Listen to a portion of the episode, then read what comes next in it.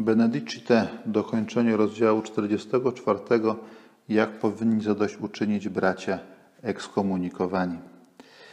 Ten rozdział uwrażliwia nas na to, jak bardzo ważne jest przyznanie się do winy i ponoszenie konsekwencji swoich czynów. Ale zwróćmy uwagę na to, że dla pokutującego ma być zarezerwowane ostatecznie miłosierdzie. Żadna kara nie jest nieskończona w klasztorze benedyktyńskim.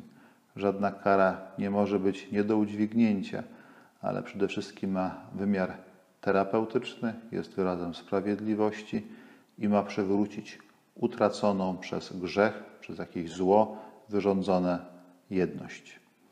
A zatem, jeszcze raz powtarzam, zwróćmy uwagę na jedność niszczoną przez niezgodę i przez dobrowolnie podjętą pokutę, przez pokorne przyznanie się do przewinień. Walczmy o jedność naszych wspólnot.